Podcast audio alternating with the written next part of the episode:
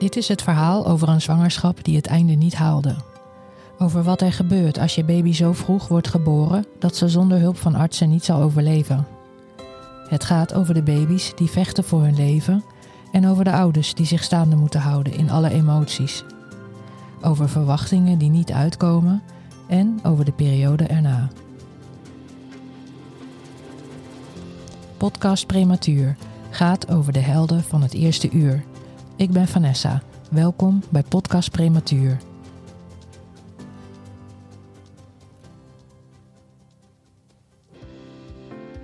Ja, toen hebben ze ook letterlijk gezegd van neem afscheid, want we weten niet wat we aantreffen. Dus, uh... Terwijl hij nog gewoon dronk, en, maar volgens de boekjes was het te weinig. Maar we plaatsen maar een zonde. Echt onze grootste fout ooit. Op Facebook ben ik met Rachel in contact gekomen. Zij is 31 jaar oud. Haar zoontje Len is vier jaar geleden geboren met 26 weken en 5 dagen. In de eerste zes maanden van zijn leventje is hij tien keer geopereerd, onder andere aan nek, waarvoor hij een tijdelijk stoma kreeg. Maar hij kreeg ook te maken met zware hersenbloedingen, waarvoor hij meerdere keren geopereerd werd. Een moeilijke start van zijn leven. Hoe zag je leven er zeg maar uit toen je zwanger werd van Len? Ja, gewoon normaal. Veel werken, vijf dagen werken. Leuke dingen doen met vriendinnen. Gewoon bezorgd eigenlijk. Ja. ja. Je weet niet waar je terecht komt. Ik had er nog nooit van gehoord. Nee. Van neonatologie. En wat gebeurde er tijdens je zwangerschap? Nou, ik, ik had al wel zoiets van week 15, 16 had ik al harde buiken. Toen had ik een gevoel eigenlijk als iets van, nou, volgens mij hoort het niet. Maar mm ja, het is de eerste keer dat je zwanger wordt. had ik ook zoiets van, ja, het zal wel. Ja. Ook wel uh, mijn zorgen aan bij, de verloskundige aangekaart. Nee, ja, niks om je zorgen over te maken. En ja, toch voelde het niet goed. Nou, ik denk dat ik al tien keer op een test heb gedaan voor blaasontsteking. Nou, kwam niks uit. En ik had echt, ik had ook best wel pijn. Ik kon ook geen lange afstanden meer lopen. Nou, met twintig weken toen um, kon ik ook gewoon niet meer werken. Ik had zoveel buikpijn, zoveel last. Mm. En ik weet dat ik uh, toen op een dag, toen uh, was ik met een vriendin, um, kijk, was ik aan de bioscoop. Ja, toen had ik zoveel buikpijn. Ik zei, nou, ik moet naar huis. Mm. Ik was kundige gebeld, zij langsgekomen. Ja, constatering van korte baarmoedermond. Op de hals. Hals, ja. Mm. Ik was toen net 24 weken, denk ik. Oh, dus ja. met, naar het ziekenhuis, allemaal gemeten. Ja, het was nog maar, ik weet niet eens hoeveel, 2,4 centimeter of zo, veel te kort. Mm. Meteen WRM'ers erin, longrijping. En met de ambulance naar het Erasmus. En daar heb ik het gelukkig nog twee weken vol kunnen houden. Mm. Van de WRM'ers en uh, longrijping heb ik dan gekregen. Mm. En na twee weken zette het toch door. Toen uh, kwamen de weeën vanzelf. Oh ja. Mm. En dus ja, toen is hij geboren met 26 weken. En, met de keizersnee? Nee. Wel gewoon uh, natuurlijk. Oké. En toen, toen begon het uh, avontuur, zeg maar. Ja. Ja, toen begon ellende. Bij ons het al dag drie. Toen kreeg hij al hersenbloedingen. Hersenbloeding op dag drie? Ja, twee hersenbloedingen. Zo. Twee en graad drie, dus ook echt een van de ergste gradaties. Mhm. Dus uh, na een dag of vijf kreeg hij nek. En toen uh, hebben ze hem op de zaal hebben ze hem uiteindelijk geopereerd. Ja. Zwak was voor naar de OK te gaan. Mm. Ja, toen hebben ze ook letterlijk gezegd van neem afscheid, want we weten niet wat we aantreffen. Dus uh, ja, dan, uh, dan weet je niet uh, wat je hoort eigenlijk hoor. Je weet sowieso niet wat je meemaakt. Het is allemaal nieuw voor je. Je komt echt in een Mm. rollercoaster. Ja. En, ja, dus wij wachten en toen kwam de chirurg en die zei van het is allemaal gelukt. Dus er valt natuurlijk echt hele last van je schouders. Ik heb een stoma aangelegd, zei hij toen. Een stuk darm weggehaald. Dus ja, en toen uh, dat ging eigenlijk vrij goed. Tenminste, vrij goed. Weet je, het is best heftig. Een klein kleintje, hij woog net een kilo. Hij is opereren. Ja, dat zul je zelf ook wel weten. Mm. En uh, ja, dat is vrij heftig om te zien. Een, een, kindje van een kilo met een stoma. Maar uiteindelijk Mm. heeft hij, ja, dan is het wel goed gegaan. Alleen toen kwamen de hersenbloedingen. Dat was eigenlijk ook nog wel vrij heftig. Want het waren niet zomaar hersenbloedingen. Het zijn hersenkamers die gingen uitzetten Mm. door, de, door het vele bloed. Dus toen uh, zijn hersenvocht kon niet meer weg. Dus toen probeerden ze het eerst allemaal te prikken via een lumbaalpunctie. Ik weet niet of het iets, iets zegt, maar... Mm. En, uh, maar dat lukte allemaal niet. Toen heeft hij een tijdelijke rikkendrain gekregen. Dus gewoon een, tijdelijke draintje bovenop zijn hoofd. En uh, daar is hij iedere dag uit geprikt om het hersenvocht weg te halen. In de hoop dat uh, de bloeding oplost, dat zijn hersenvocht weer zelf zou gaan stromen. Maar dat is helaas niet gelukt. En in echt, ja, ik denk dat zijn Rickham drain, ik denk dat hij dan een keer of vier, vijf aan geopereerd is. Dan zat hij weer verstopt. Toen had hij weer een verstopping tussen zijn tweede en derde hersenkamer. Moest er weer een gat geboord worden. Ja, echt. Het was echt alleen maar ellende met die ja. drains. En toen uiteindelijk heeft hij een. Toen is een stoma opgeheven in nee, december. Het is ook eigenlijk allemaal goed gegaan. Alleen omdat ze stoma opgeheven, hij moest ook nog een vaste drain krijgen. Omdat hij zijn buik al zoveel littekenweefsels had, wouden ze dat daarmee wachten. Dus tot die tijd moest hij in het ziekenhuis blijven, omdat ze iedere dag moesten dan hersenvocht nog prikken. En na zes weken, na de stoma-operatie, opheffing, toen is er een vaste drain uh, geplaatst. Maar ze hadden ons al gewaarschuwd van we weten niet of zijn buikvlies het vocht gaat opnemen, omdat er al zoveel littekenweefsel zit van die stoma. Dus ja, het is twee weken goed gegaan, denk ik. Toen mochten we ook naar huis, was eind januari. Dus toen waren we een maand of vier, vijf in het ziekenhuis, denk ik. Nou, we waren nog geen vijf dagen thuis en toen uh, zag ik al van, nou, dit is niet goed hoor. Zag je echt zijn hoofd opzwellen en uh, ja, je hebt nou een fontanel, die kun je normaal indrukken, maar bij hem was het gewoon weer helemaal, en zijn hoofdoptrek nam toe. Weer met spoed naar het ziekenhuis, ja, weer helemaal mis. Nou, weer geopereerd, uh, weer een nieuwe drain erin, dan weer een kortere. Ja, nou, ik denk dat hij twee dagen gewerkt heeft, werkte die weer niet meer. En toen wist de dokter het ook mhm. even niet meer.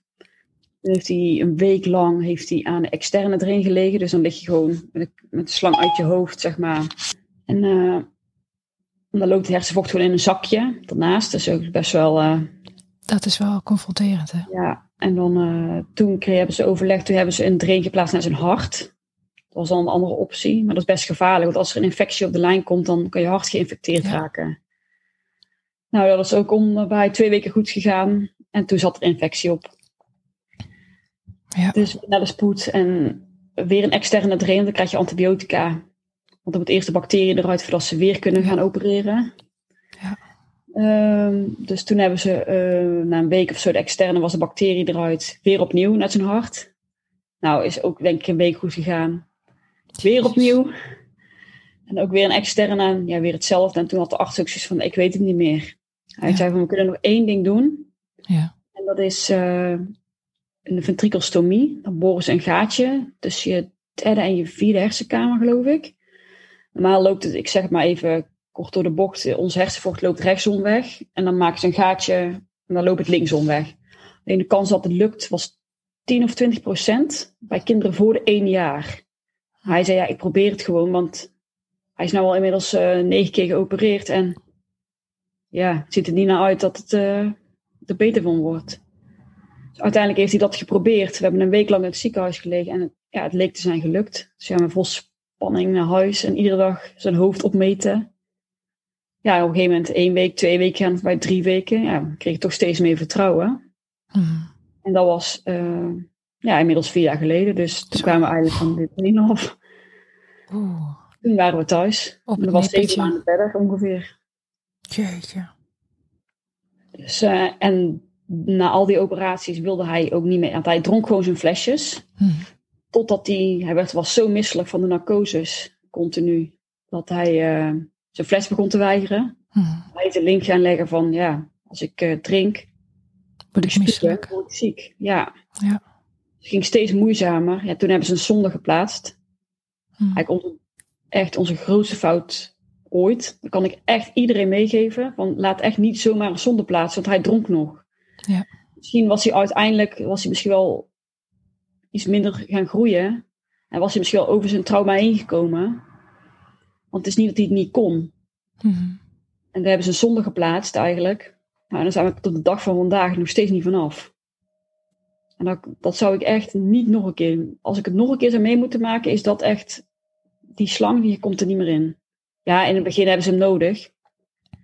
En ik zal niet zeggen als je kind echt helemaal niet kan drinken, maar onze zoon kon gewoon drinken. Hmm.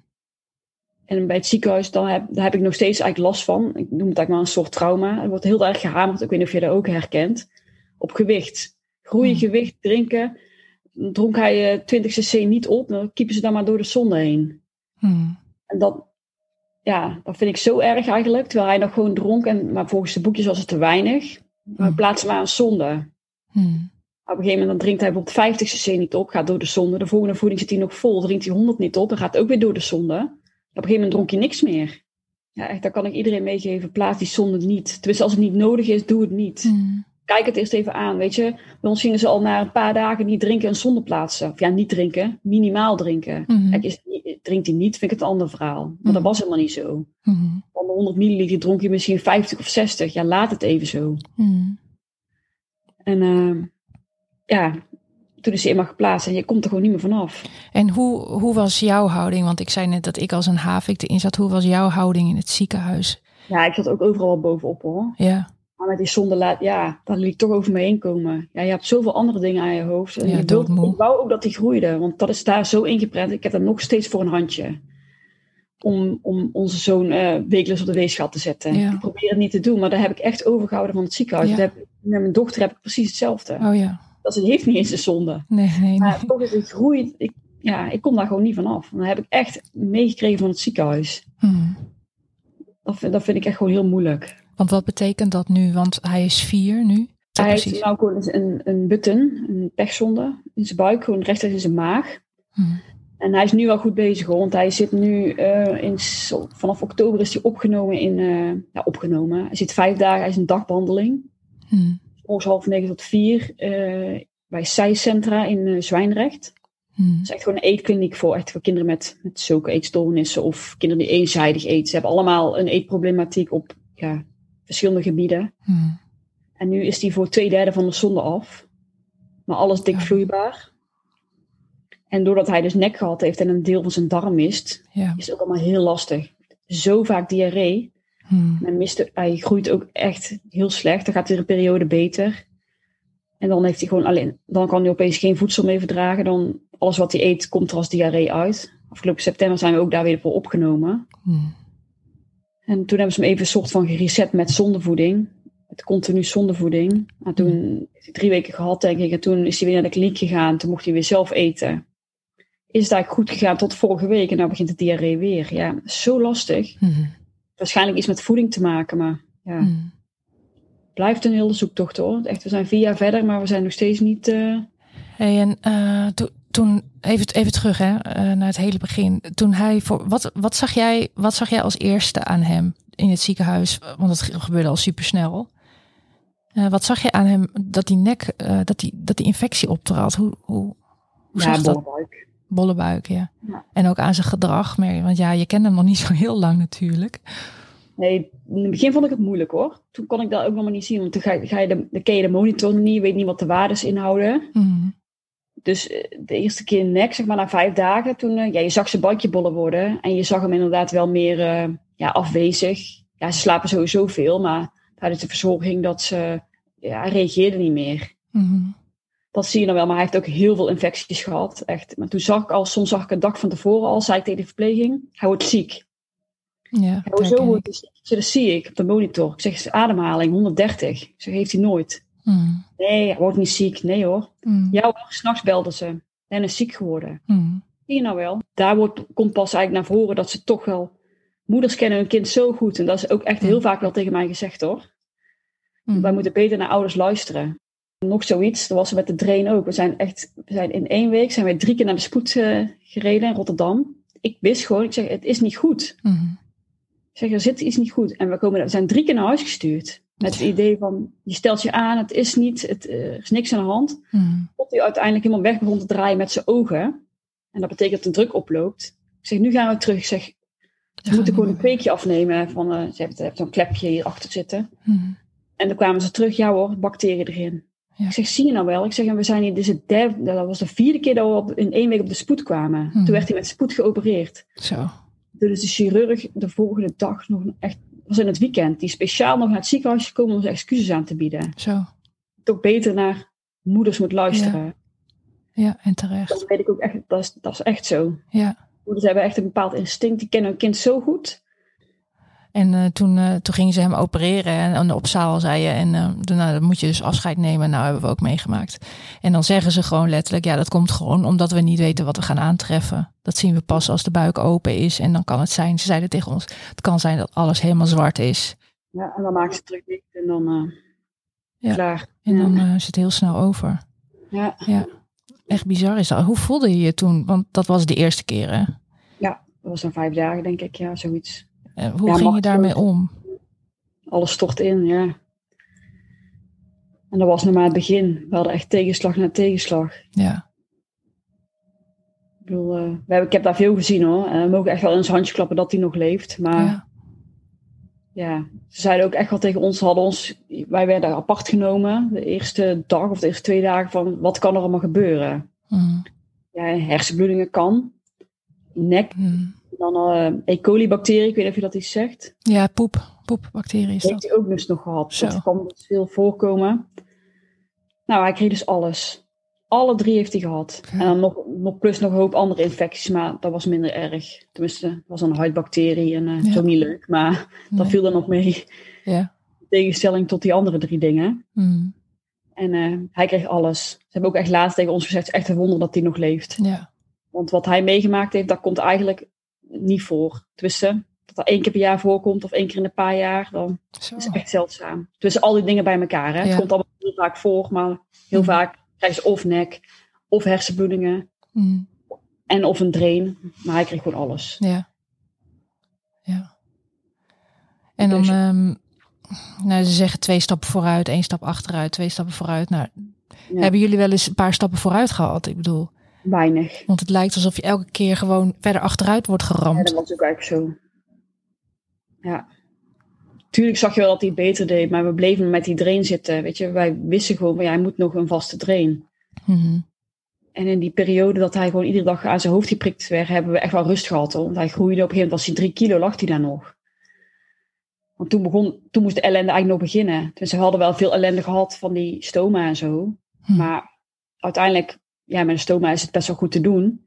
Die eerste maanden, toen was het voor hem eigenlijk een kwestie van groeien. Het is dat hij daar nog moest blijven, omdat hij natuurlijk nog een drain had. Hij kon er niet met die, met die, met die tijdelijke drain naar huis. Want hij moest daar iedere dag in geprikt worden. Mhm. En als we toen hadden geweten wat er toen nog ging komen. De eerste maand, de eerste maand was heftig. Daarna kwamen we toch iets, rustiger, iets rustiger vaarwater. Dan wordt hij iets groter, iets sterker.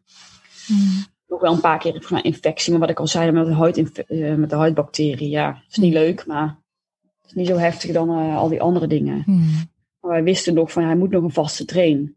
Ja, het klinkt heel simpel, een vaste train. We zetten dingen maar in en we kunnen naar huis. Maar toen begon pas echt de ellende. Want toen is hij gestopt met eten. Mhm. Tot op de dag van vandaag eigenlijk. Dus dat is echt wel heftig. Ja. Dat je uiteindelijk nog een eetprobleem aan overhoudt. Terwijl hij gewoon zo goed kon drinken. Ja. ja, pijnlijk. Dus dat wil ik echt iedereen meegeven. Gewoon, ja, dat ze gewoon echt niet... Als je kind kan drinken en wil drinken... Geef het even een poosje de tijd. En plaats niet te snel een zonde. Mhm. Kijk, als het niet te voorkomen is... Dan moet, soms moet het. Mhm. Maar doe, bij ons deden ze het dan na een paar dagen. Doe het niet. Mhm. Dan na twee of drie weken. Mhm. dat ze 1 kilo wegen, maar ons zoon woog toen al 4,5 kilo of zo. Dat had het helemaal niet nodig. Mhm. Nog niet dan. Ja. Dat was wel onze grootste fout ooit geweest. En ehm, jullie waren samen in, in het Ronald McDonald, denk ik? Of, eh, Ja. Ja. Klopt, we hebben zeven maanden in het Ronald McDonald gewoond. ja. Ja, Ik ben, ik ben denk ik in die zeven maanden ben ik twee keer thuis geweest. jezus. Ja. Je kan er een boek over schrijven, waarschijnlijk wel drie. Maar hoe zou je zeggen, zeg maar, dat je, dat je hebt gevoeld? Ik bedoel, als ik zeg dat ik, eh, dat ik uitgeput was, dan herken je dat, denk ik. Ja, ik was ook uitgeput. Ik, ik woog nog maar 50 kilo, denk ik. Echt. Ik van mijn ogen, ik weeg normaal 65 kilo. Nou, ik echt, ik maar 50 kilo. Echt. Gewoon van de stress en alles, ja. En kon je een beetje slapen daar? Of eh, zijn jullie eigenlijk ook vaak s'nachts wakker gebeld? Ja. Ja, vaak. Wel een aantal keer. Ja. Ja, ja, we deden ook heel vaak werk. S'nachts wakker ging ik ook gewoon zelf bellen hoor. Ik denk dat wij de eerste drie maanden gewoon letterlijk iedere nacht gebeld hebben. Moest gewoon weten hoe het met hem ging. Ja, Ja. slapen deed ik bijna niet. Maar ik gaf ook borstvoeding. Jij misschien ook wel. Ik kolfde alles af. Ik heb Ja. zeven maanden al gekolfd. Al. Nu denk ik echt van hoe heb ik het hemelsnaam volgehouden. Ja. Bizar, hè? Maar je gaat gewoon in een soort van overlevingsstand of zo, denk ik. Hmm, ja. Ik bedoel, je hebt je kont nog niet gekeerd als je die dingen hebt afgewassen. En vervolgens moet je ze alweer aan, uh, Ja, moet je hem alweer aanzwiepen. ja. Dat is, ja. Ja. ja, alsof het allemaal nog niet vermoeiend genoeg is. En kon, kregen jullie, hoe, hoe was het om jullie heen? Konden jullie, kon je steun van extern aanvaarden? Als je begrijpt wat ik bedoel. Kon je, ik weet niet of je familie, familie eh, of je goede band hebt met familie of zo. Ja, ik heb wel een goede band, maar ja, Die zaten natuurlijk helemaal niet daarin. Dus eh, Nee, dat is zo moeilijk. Ja, ik had op een gegeven moment meer steun aan degene die hetzelfde meemaakte op dat moment dan aan mijn familie. ja. Want ze snappen er toch niks van. Als ik bel, jij wordt weer geopereerd, ja. Hun, ze vinden het heus wel erg hoor. Ze hebben ook menig traan gelaten, maar Mhm, ja, ze weten toch niet wat het is. En op de dag van vandaag nog steeds niet. mhm, Dat wij een kind hebben met een eetprobleem. En dat maakt darmprobleem, wat alleen maar diarree heeft en buikpijn. En ja, wij zitten ermee. Kijk, voor Mhm. een ander is het, die zeggen wel tegen elkaar van ja, dat is echt erg daar. Maar ja, zo is het ook logisch, hè. Want ik wil zeggen, er zijn ook heel veel zieke mensen. En daar gaan wij gaan ook door mijn leven. Dus zo is het leven gewoon, maar dat is wel lastig. ja.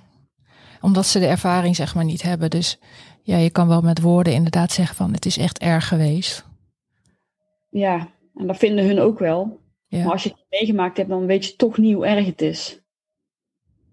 Ik spreek nou ook best wel veel ouders die ook kinderen hebben met eetproblemen. En dat doet mij echt wel goed. Om, eh, Mhm, om een beetje moeders te spreken die met in hetzelfde schuitje zitten met Mhm. hun kind. mhm, Kijk, even tegenover de buitenwereld is het...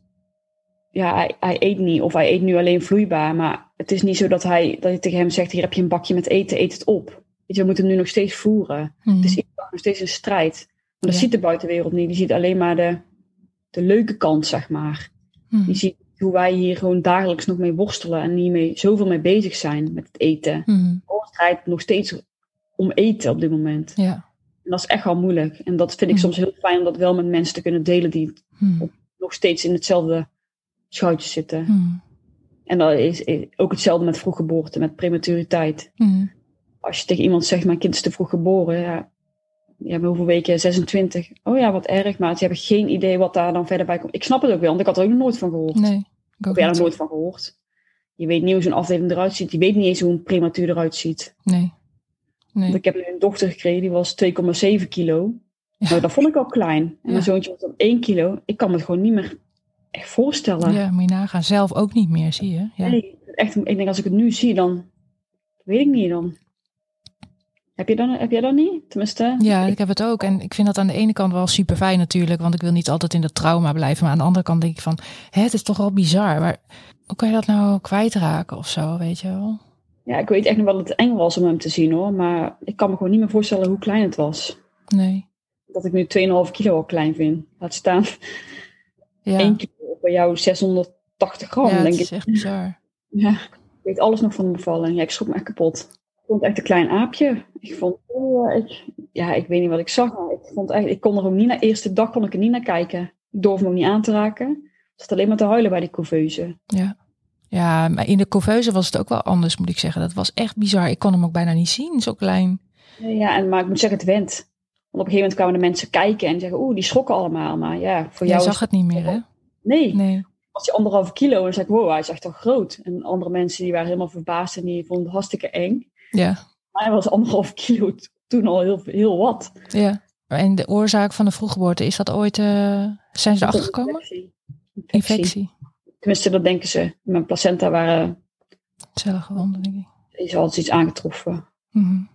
Maar ik weet het niet hoor. Want ik heb nu met mijn dochter is ook met 36 weken geboren. 36 weken en twee dagen. En ik heb eh, medicijnen gekregen, hoe heet het? Eh, Progesteron. ja, progesteron. Dus ik op 36 weken mee stoppen. Ja, en toen kwam En met 36 twee kwam ze. Dus ja, heel bizar. Ja, dus het heeft wel geholpen. Ja, het heeft wel geholpen. Maar dan denk ik toch van ja, volgens mij is het gewoon iets in mijn lichaam. eh, het is gewoon niet gemaakt, denk ik, om kinderen te verdragen of zo. Mm. Hoe durf je dat nog een tweede keer aan? Ik bedoel, was je niet bang? Of, Ja, ik was doodsbang. Nou, we hebben wel veel gesprekken gevoerd hoor. Veel, een paar gesprekken in het Erasmus met de gynaecologen. hmm, Ja, en die gaven wel aan dat de kans 80% was dat het wel gewoon goed ging. En 20% dat het hmm. te vroeg kwam. Ja, en die 20% dat wilde ook niet zeggen dat die allemaal dat was, de vroeggeboorte is voor de 32 weken, noemen ze dat dan. Hè? Ja, daarnaast, daar, daar, boven de 32 is nog steeds te vroeg. Maar extreem prematuur is onder de 32, hè, zoals ze het noemen. Hè? Mhm. Daar zat die 20% bij. Dus er was alles tussen de 24 en de 32. Dus de kans was ook, was bijvoorbeeld maar 5% dat het weer extreem te vroeg zou komen.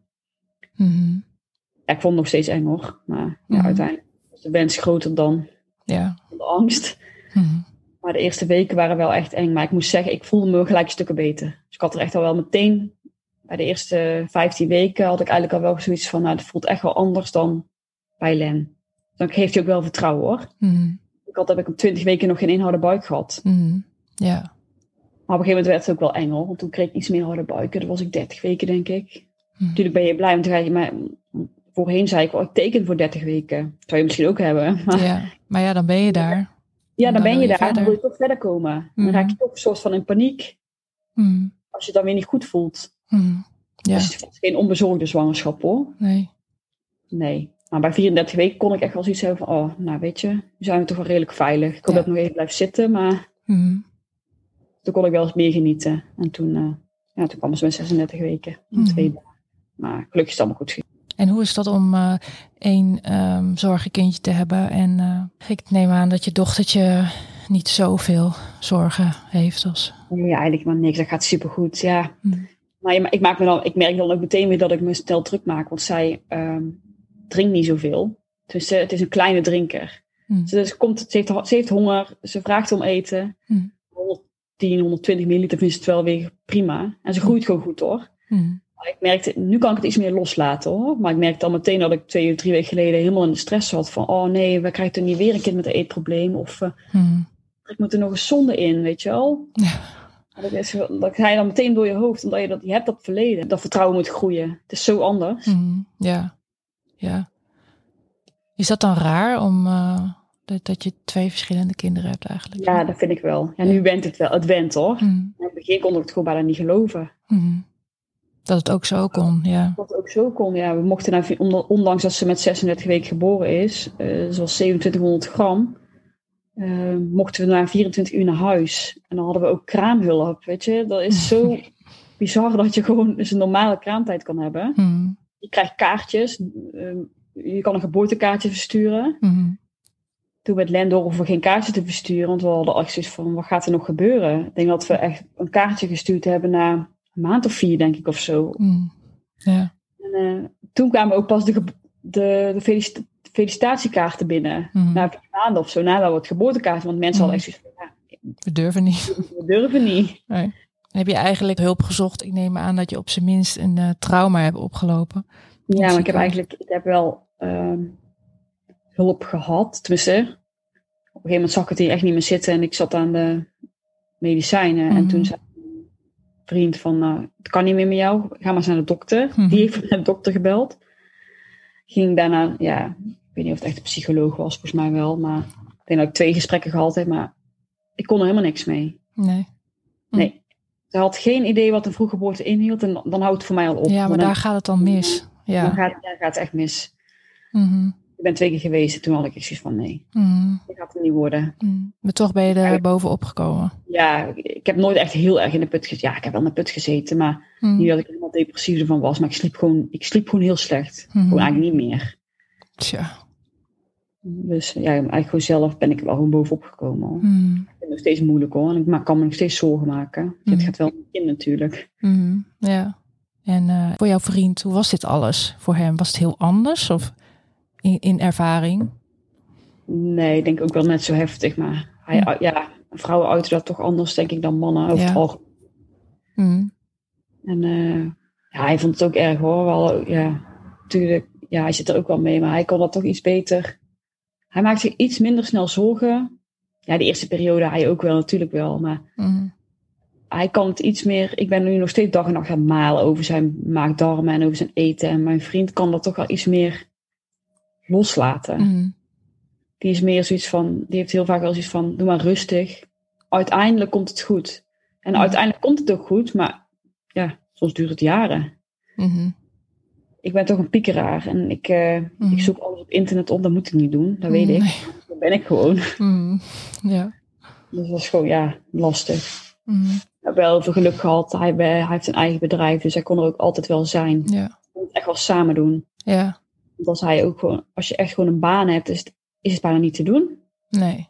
Dus echt, dan is het echt lastig. Mhm. Vooral in onze situatie, continu terug naar het ziekenhuis, continu naar de OK. Nou, er was altijd wel iets. We moeten zo vaak zijn met z'n tweeën. Dus Mhm. dat was echt wel heel fijn hoor. En nog steeds, want nu zit hij natuurlijk in Zwijndrecht, in de eetkliniek. En eh, ja, we moeten hem zelf halen en brengen. Nou, als, nu kan Michel, zo heet mijn vriend, die, eh, die brengt hem ook weg en die haalt hem. Want nu hebben we natuurlijk een dochter, dat is ook allemaal lastiger. Mhm. Dus dat, dat is echt wel heel fijn dat je het gewoon samen kan doen. Want anders is het bijna niet te doen. Mhm. De belangrijkste vraag eigenlijk, hoe gaat het nu met hem, behalve ze eten? Is het een vrolijk mannetje? gaat eigenlijk gewoon echt heel goed. Hij heeft er echt wel goed doorheen geslagen. Want ze hebben ook echt tegen ons gezegd van nou, met die hersenbloedingen, we weten niet eh, hoe hij eruit gaat komen. Ze hebben ook echt letterlijk gezegd van we weten niet of hij gaat praten en of, eh, of hij überhaupt kan gaan lopen. Mhm. Nou, eh, hij doet fantastisch hoor. Ja. Hij, eh, natuurlijk heeft hij een achterstand. Want hij is vier en hij liep met zijn tweeënhalf. En hij begon te praten op zijn drie. Maar ja, nu is er eigenlijk niks meer van te merken hoor. Zo. Motorisch, fijn en grof motorisch, eh, loopt hij wel achter hoor. Hij kan bijvoorbeeld nog niet rennen. Dan gaat hij snel wandelen. Mhm. En springen. En bijvoorbeeld als hij op de glijbaan klimt, dan heeft hij echt zoiets hoe moet ik gaan zitten? Hij kan nog niet fietsen. Dus hij, kan, hij heeft geen hij, heeft heel, eh, hij is hypermobiel. Hij Ja, heeft eh, te lage spierspanning, dus hij kan niet rondgetrapt eh, komen. ja, Ja, dat zijn allemaal dingen die echt wel komen. ja. Allemaal veel later. Hij heeft niks zindelijk. Het begint nu een beetje. Mhm. Gewoon alles veel later. Maar we hebben ook echt niet klaar hoor. Want hij is verder hartstikke pinter. Ja, Hij klest de oren van je kop af. Dus eh, ja. wat dat betreft... eh, nee, je moet ook echt in ons handje klappen dat hij er zo uitgekomen is. Mhm. En, en, met, en met zijn spierspanning, krijgt hij dan nu nog visio? Of, eh, Nou, dat heeft hij eigenlijk wel nodig. Heeft hij altijd gehad. Totdat hij opgenomen is in de eetkliniek. Daar is natuurlijk geen fysiotherapie. Dus als hij straks klaar is met zijn eh, eetbehandeling, dan eh, wordt de fysio denk ik wel opgepakt hoor. Dat heeft hij echt wel nodig. mhm. En logopedie ook misschien? Ja, logopedie ook. Ergotherapie, gewoon alles eigenlijk. Ja, ja. Ja, hij heeft echt al iets overgehouden. Echt wel een achterstand. Maar ja, dat is niks vergeleken met wat hij eigenlijk meegemaakt heeft. Wat er zou kunnen gebeuren. Mhm. Als andere kindjes die een hersenbloeding gehad hebben of zo, dan... eh, nee, dan mogen we echt niet klagen. Ja. Echt niet. Aan de buitenkant zie je hem. Mhm. En hij- als je hem hoort praten, niemand zou zeggen dat hij te vroeg geboren is hoor. Nee. Ja. Nee. Ik ben zo blij dat hij er zo uitgekomen Ja. is. Ja. Dat ik soms andere ouders wel eens hoor van, oh ik vind het zo erg. Dan, eh, ik sprak laatst een moeder, die, dat zoontje was anderhalf of zo, liep nog niet. Daar kon, daar- daar kon ze zo mee zitten en de lag ze nachten van. En dan denk ik echt van, oh, waar maak je druk om? Ja. Mhm. Ik, ehm, nee, ik ben echt dankbaar. Ik hoef me nooit echt, het maakt me gewoon niet uit. Weet je, dat hij achterloopt. En ehm, Mhm. ik, hij is van zo ver heeft hij moeten komen. En dan, ja, dan denk ik iedere dag nog aan. Dus op zich, eh, Ja. nee. Ik heb echt niet zoiets van, eh, dat moet of komt wel. Ja, anders komt het maar niet. Ja, zo Dan is het. erg voor hem dan voor mezelf. Ja. Meer voor hem dat hij, hij moet ook, dus hij moet, hij gaat hierna naar speciaal onderwijs. Mhm. Niet omdat hij het eh, cognitief niet aan kan, maar meer om de reden motorisch gezien. Mhm. Met alle klasgenootjes, bijvoorbeeld als ze naar de gymles gaan. Hij kan zich ook nog niet aan en uitkleden, moeten we allemaal helpen. Mhm. Het zal echt wel komen, maar het is meer voor hem dat ik dan denk van, oh, vind ik sneu. Dat hij dan niet mee kan en dat hij straks misschien bijvoorbeeld gepest gaat worden, omdat hij gewoon niet, eh, niet zoveel kan dan andere kinderen. Dat vind ik dan lastiger dan, dan dat ik hem nu moet zien dat hij bijvoorbeeld niet kan rennen of niet kan fietsen. Mhm. Dus daarom, ja, ik denk speciaal onderwijs voor hem wel de juiste plaats is. Mhm. En dan hoop ik dat ze...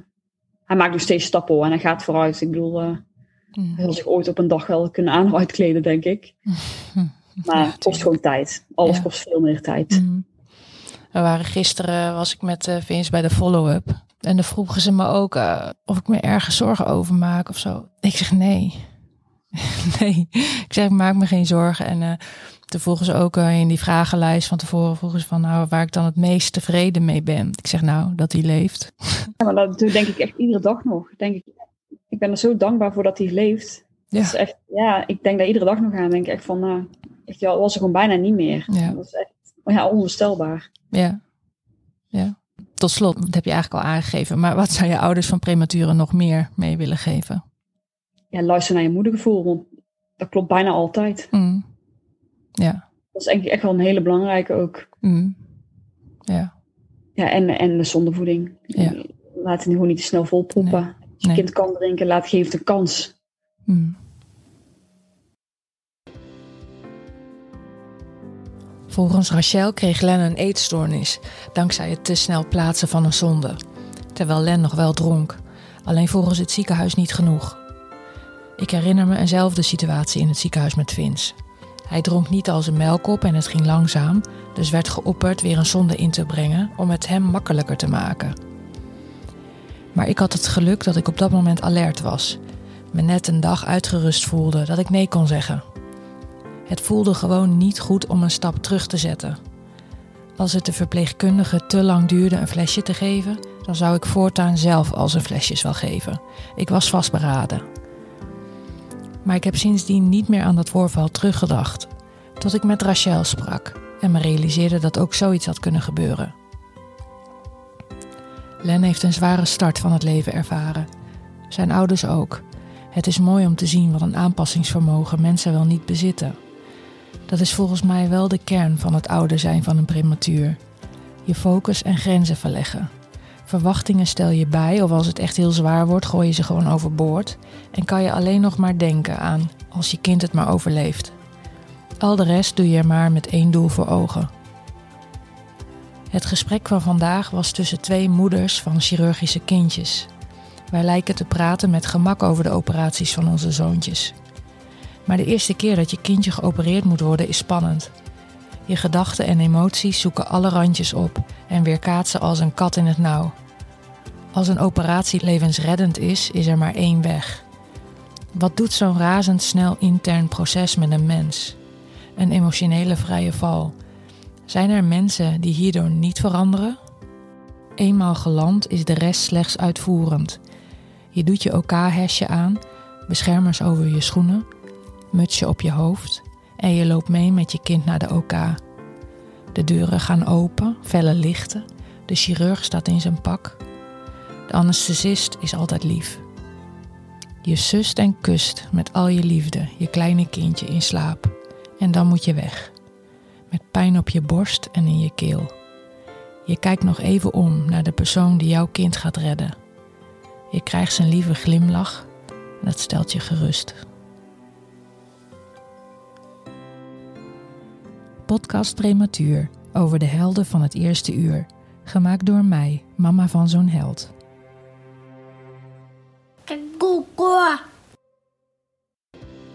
Podcast Prematuur is gemaakt in samenwerking met de Podcastcentrale in Alkmaar. Op de website podcastprematuur.nl zijn afleveringen te beluisteren, foto's te bekijken en is meer informatie te vinden. Volg ons ook op de socials via Podcast Prematuur. Ik zou heel graag van jullie horen.